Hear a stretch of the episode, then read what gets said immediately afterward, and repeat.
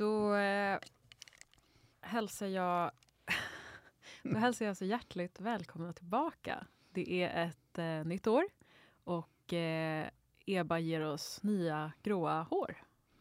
Ja, tack Caroline eh, och tack för att jag fick bli inbjuden än en gång eh, på det nya året. Jag, hoppas det, jag tror att det betyder att jag inte gjort bort mig helt. Va? Jag tror inte att vi ska låta våra reflektioner om de här ämnena tas på så himla stort allvar. Ärligt talat så tror jag att de flesta i våra lyssnarskara bara vill höra Finansinspektionens egen Don Draper oavsett vad du har att säga. Eh, men med det sagt så har vi faktiskt tänkt att vi ska prata om outsourcing idag. Det är ju läckert va?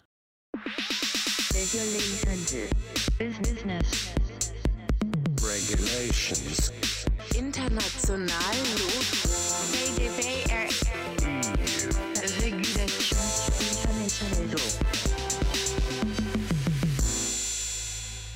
Är det något fokus på outsourcing? Ja, men det är ju ganska mycket fokus. Så, så, så här är min känsla att eh, om man går tillbaks, ja, vad ska vi säga, fem, sju år kanske. Eh, då var min känsla, då var jag på Finansinspektionen, men det kanske var samma ute i, i branschen. Att det var ganska mycket känsla av tick the box när det kom till outsourcing.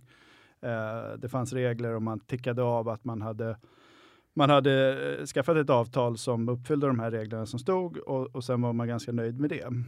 Mm. Eh, men det känns som att fokuset har ökat väsentligt under de senaste åren. Varför är det så då? Jag tror att det är så här att, att det är teknik, teknikutvecklingen helt enkelt. Eh, min erfarenhet är att det var någonstans där när företag började vilja lägga ut saker i, i molnet som fokusen eh, från tillsynsmyndigheterna ökade väldigt mycket. Jag tycker att det är så gulligt att du säger molnet i bestämd form. Jag har alltid undrat. Jag har till och med frågat min kompis som jobbar på Google varför man säger molnet som att det bara fanns ett. Det finns ju rimligtvis flera moln.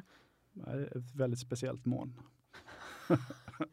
Ett moln fyllt av eh, regulatoriskt relevant data. Ja, Det eh, molnet är det det- vi pratar om. det mest roliga molnet i världen. Ja, eh, men nu, eh, nu sa ju du lägga ut verksamhet här Robert. Mm.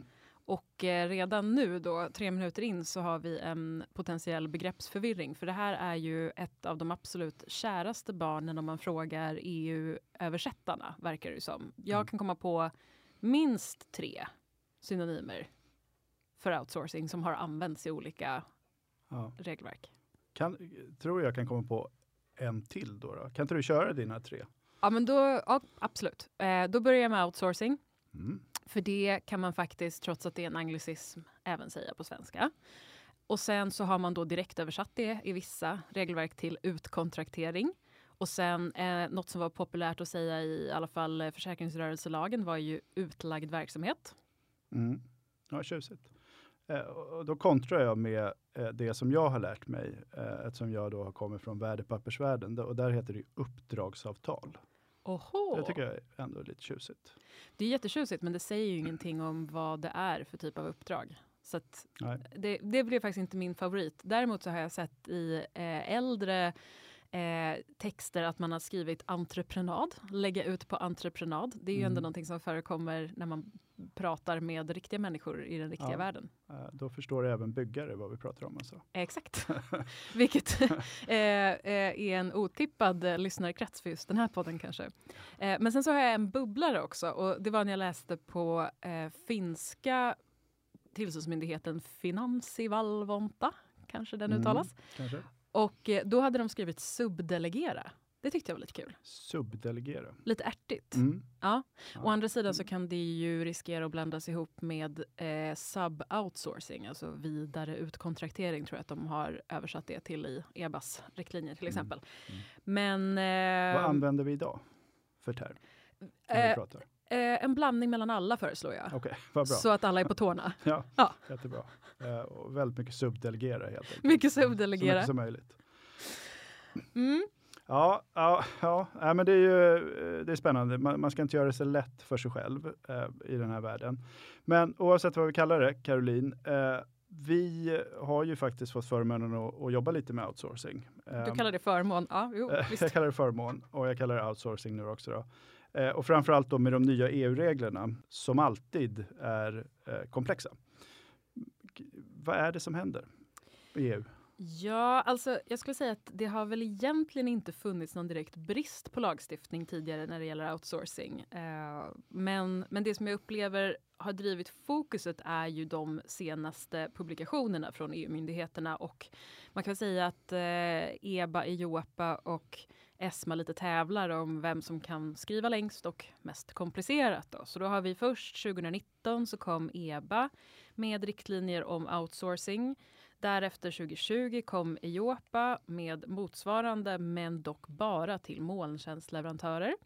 Och slutligen då så fick vi en liten julklapp eh, några dagar innan jul precis av ESMA som också kom med ett utkast på riktlinjer för outsourcing till just molntjänstleverantörer. Vem vann? Vem skrev längst? Jag tror EBA vann. Ja, det är bra. Det brukar de göra tror jag. De, de, de är lite bättre helt, helt enkelt.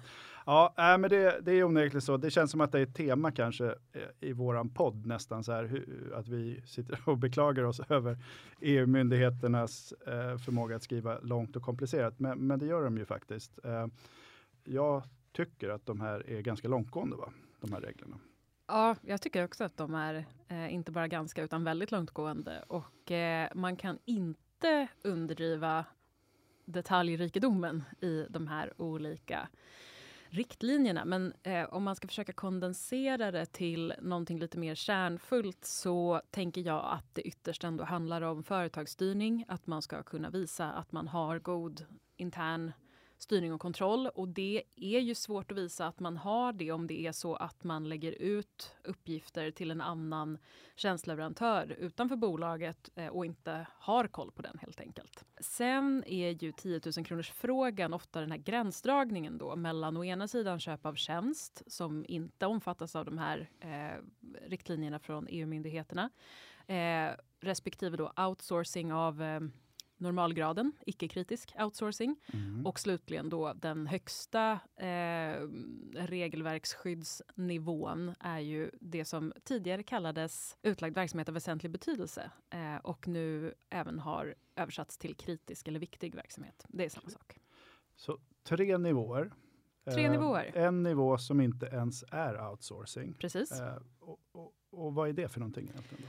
Ja, men det är ju någon form av köp av tjänst där man inte lägger ut någon del av den tillståndspliktiga rörelsen. Och det är väl egentligen pudens kärna, att man på något sätt måste försöka definiera vad den tillståndspliktiga verksamheten innefattar. Och om man då vill vara lite järv så kan man göra en ganska snäv tolkning av tillståndspliktig verksamhet. Men där tycker jag att de exempel som finns, till exempel i, ja, eller i, i faktiskt samtliga eh, riktlinjer som har publicerats från EU-myndigheterna, så är ju de exempel på vad som inte är utlagd verksamhet väldigt begränsade. Då handlar det om elektricitet eller eh, att sköta kaffemaskinen eller catering, städtjänster.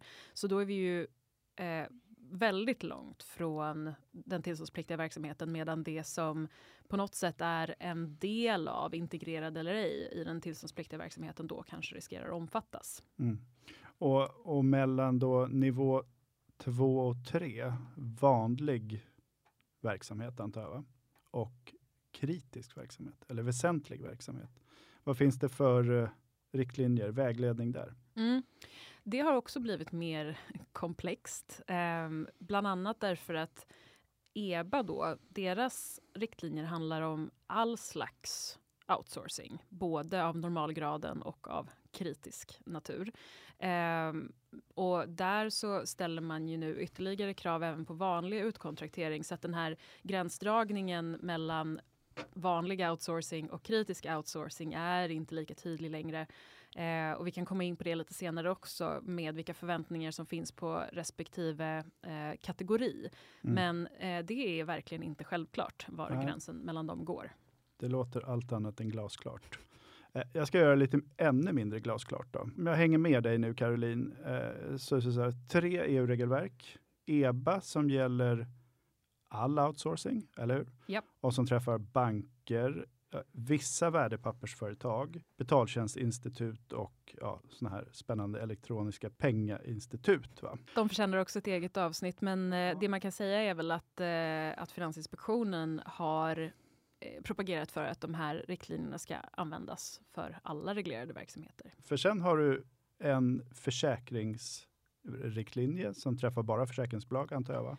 Ja, och den gäller ju då bara outsourcing till molntjänstleverantörer. Just det, och EBAS gäller både också molntjänstleverantörer. Ja. Och sen har vi ESMAs nya som ännu inte har trätt i kraft. Precis. Eh, den träffar då, Eh, ja egentligen, det känns som hela, hela världens företag när man läser det, men det är i princip alla företag som då står under ESMAs, eh, inte tillsyn kanske, men S, inom ESMAs område. Så det är värdepappersföretag, fondbolag, AIFer, eh, CCP och allt möjligt. Eh, och där blir det ju då extra spännande för värdepappersbolagen som träffas av, eller vissa värdepappersbolag då, som träffas av två riktlinjer. Mm, precis. Och detsamma gäller ju till exempel ett eh, försäkringsbolag som är direkt ägt av en bank eller liknande som då eh, lider av så kallad regelverkssmitta. Ja, det, det låter som man, någonting man absolut inte vill lida av. Det är en pandemi det också kan man säga. Okej, eh, komplexitet, eh, lite överlappande för olika företag. Man kanske måste tillämpa två eller ibland kanske tre då, om man har riktigt tur. Vad ska man göra för någonting Caroline, för att klara sig? Ja, eh, jag brukar eh, återigen med eh, ett försök att göra det lite mer pedagogiskt än vad det kanske har uttryckts i de här spaltmetrarna som har skrivits i respektive riktlinjer. Då, så brukar jag dela upp eh, outsourcing i tre faser. Om man tänker på det som en livscykel så är då fas 1 och nu säger vi att vi ska lägga ut kritisk verksamhet. Då finns det en prekontraktuell fas som helt enkelt går ut på att man ska identifiera vad företaget har för behov och därefter matcha med en leverantör som erbjuder lämpliga tjänster. Man ska kolla på vilka leverantörer som eh, kan passa och eh, om det finns några intressekonflikter och eh, eh, göra det som i alla fall eh, på svenska då har översatts till företagsbesiktning av leverantören. Företagsbesiktningen ingår i steg ett alltså. Den ingår i steg ett och, eh, Och riskbedömning, sa vi så? precis, Ja. det är liksom ett slags konsekvensanalys eh, och eh, så låter man ju vanligtvis också bolagets kontrollfunktioner tycka till innan man går Mm. vidare. Och man kommer fram till att jo, men det, här, det här ska vi göra, det här blir bra för oss. Då är fas två att eh, ja, för kritisk outsourcing då att styrelsen fattar beslut om att outsourca. Man ska se till att man har ett avtal på plats som uppfyller alla formalia krav eh, och sen ska man också anmäla till FI. På grund av att den är kritisk? Va? På grund av att den är Mm. kritisk, precis. Eh, och sen eh, när avtalet har trätt i kraft och man har börjat jobba så kanske det har gått ett halvår eller ett år och då är det dags för uppföljning. Eh, man, det finns också ett stort fokus på möjlighet att göra revision, att få åtkomst till tjänstleverantörens eh, data och lokaler och annat och rapportera både ja, fr- från tjänstleverantören till bolaget och från bolaget till styrelsen. Mm.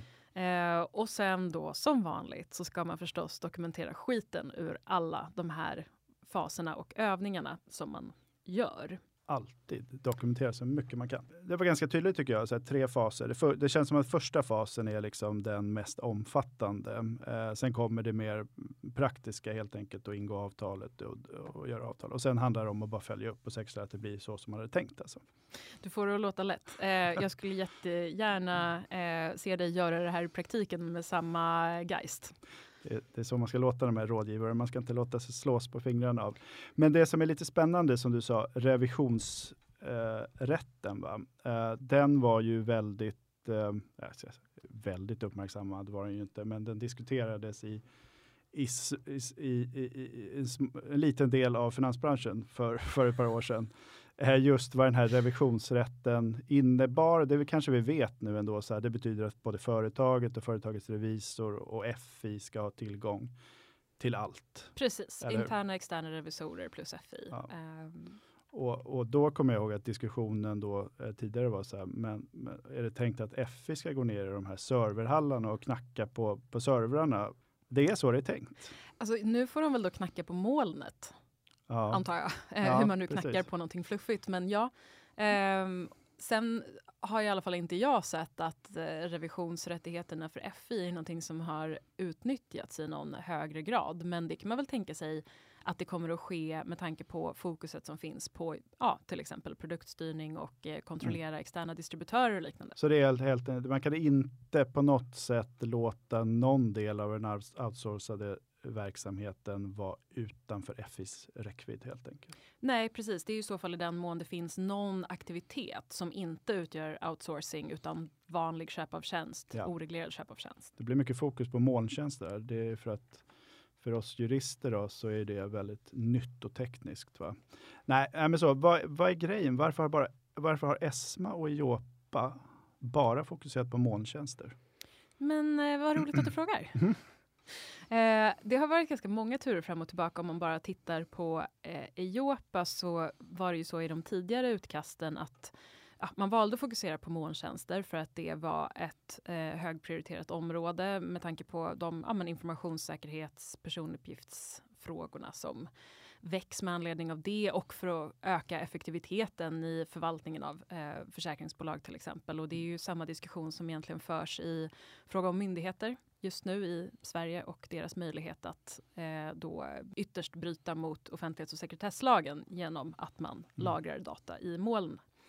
Moln, plur, eh, obestämd form, plural. Men hur som helst då så var det så att när Iopa kom ut med något utkast från början så sa man att alla molntjänstleverantörer, inklusive då de som är beroende av någon slags infrastruktur, molninfrastruktur för att kunna tillhandahålla tjänster skulle omfattas av riktlinjerna. Men det blev lite stökigt och lite eh, utmanat av eh, diverse olika remissinstanser så det slutade med att det bara blev de molntjänstleverantörer som faktiskt omfattas av eller som bedriver någon form av utkontrakterad verksamhet på eh, bolagets vägnar som är med. Och sen eh, Jag, jag hängde inte helt med där måste jag säga. Nej.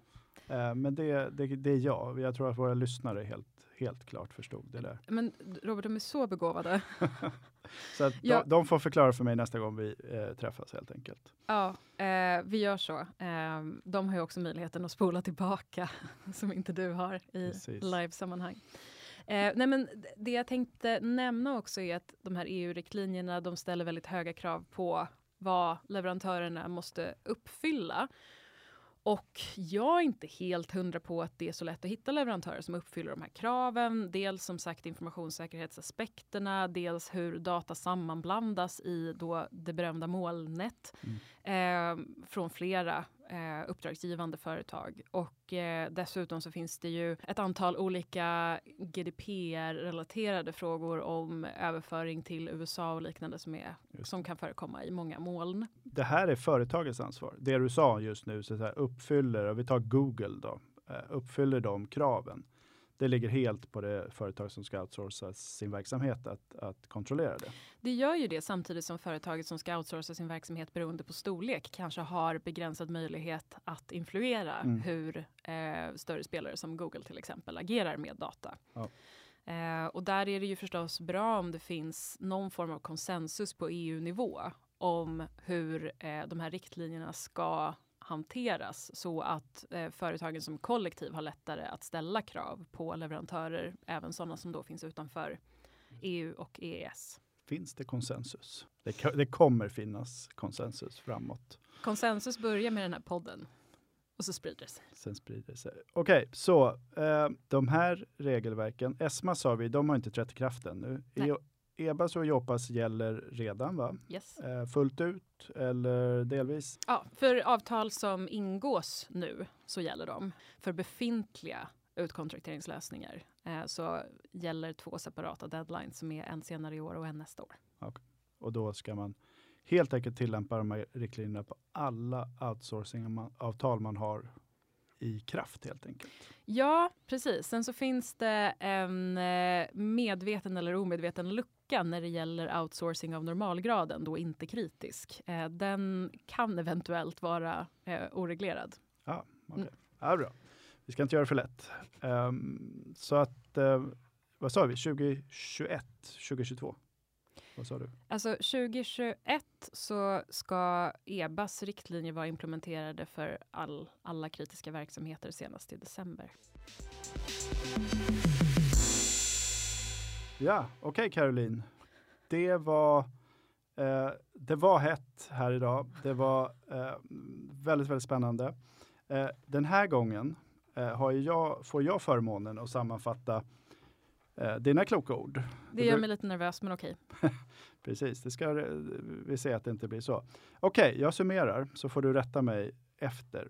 Eh, idag har du eh, framför allt pratat om fyra punkter eh, har jag sett. Eh, ökat fokus på outsourcing från både eh, nationella myndigheter och EU-myndigheter. Eh, du har berättat om de tre riktlinjerna från eh, våra kära EU-myndigheter som eh, min tolkning är att de träffar i princip alla finansiella företag med kanske något undantag.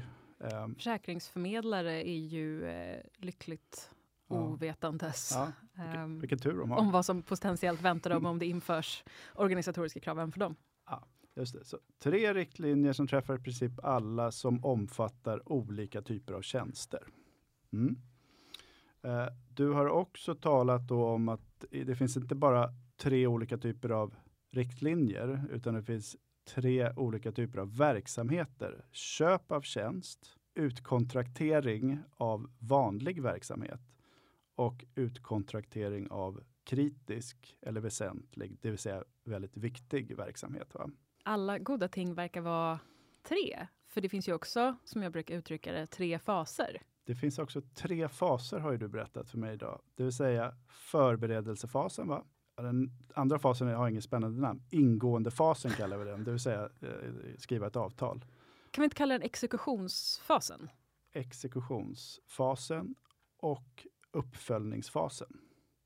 Alla tre är lika viktiga uppfattar det som. Eh, men kanske eh, mer vikt egentligen på, på förarbetet. Va? Ja, det var, det var min summering. Jag hade en grej till innan du får så att säga, rätta min summering. Då. Eh, går, det, går det att använda vår gamla eh, slagdänga som, som ju går så här, som vi säger nästan varje gång, att eh, om du ska klara av det här, så förstå syftet med reglerna, gör någonting och dokumentera varför du gör. Eller det här, avviker det här? Det som möjligen är svårt här är ju att ehm, riktlinjerna är ju någon form av allmänna råd. Comply or explain-regeln torde gälla för dem. Men det är så fruktansvärt många enskilda bestämmelser som ska uppfyllas. Och jag föreställer mig att det skulle ta lika lång tid att motivera avsteg från varje liten punkt som det skulle göra att faktiskt bara följa dem. Så där vet jag inte riktigt om det kan vara så att formalien ändå har en annan plats än vad den kanske har i andra sammanhang som vi har pratat om. Vi har mött vår överman helt enkelt. Jag tror det. Ja, det fantastiskt. Jag känner mig besegrad. Så förstå syftet om du kan och pricka av allting helt enkelt. Exakt. Det är bra. Det låter kul. Ja, det var min summering. Vad har du att eh, kommentera på den? Eh, nej men ja, min kommentar är väl att du är en oerhört eh, observant människa. Och jag är ytterst tacksam för att jag får dela såna här stunder med dig och med eh, alla våra eh, faktiskt helt otroliga lyssnare som eh, fortsätter att eh, förundras över ämnena vi tar upp i den här podden. Så tack för idag Robert. Halleluja. Tack för idag. Regulations. International Regulations. Central.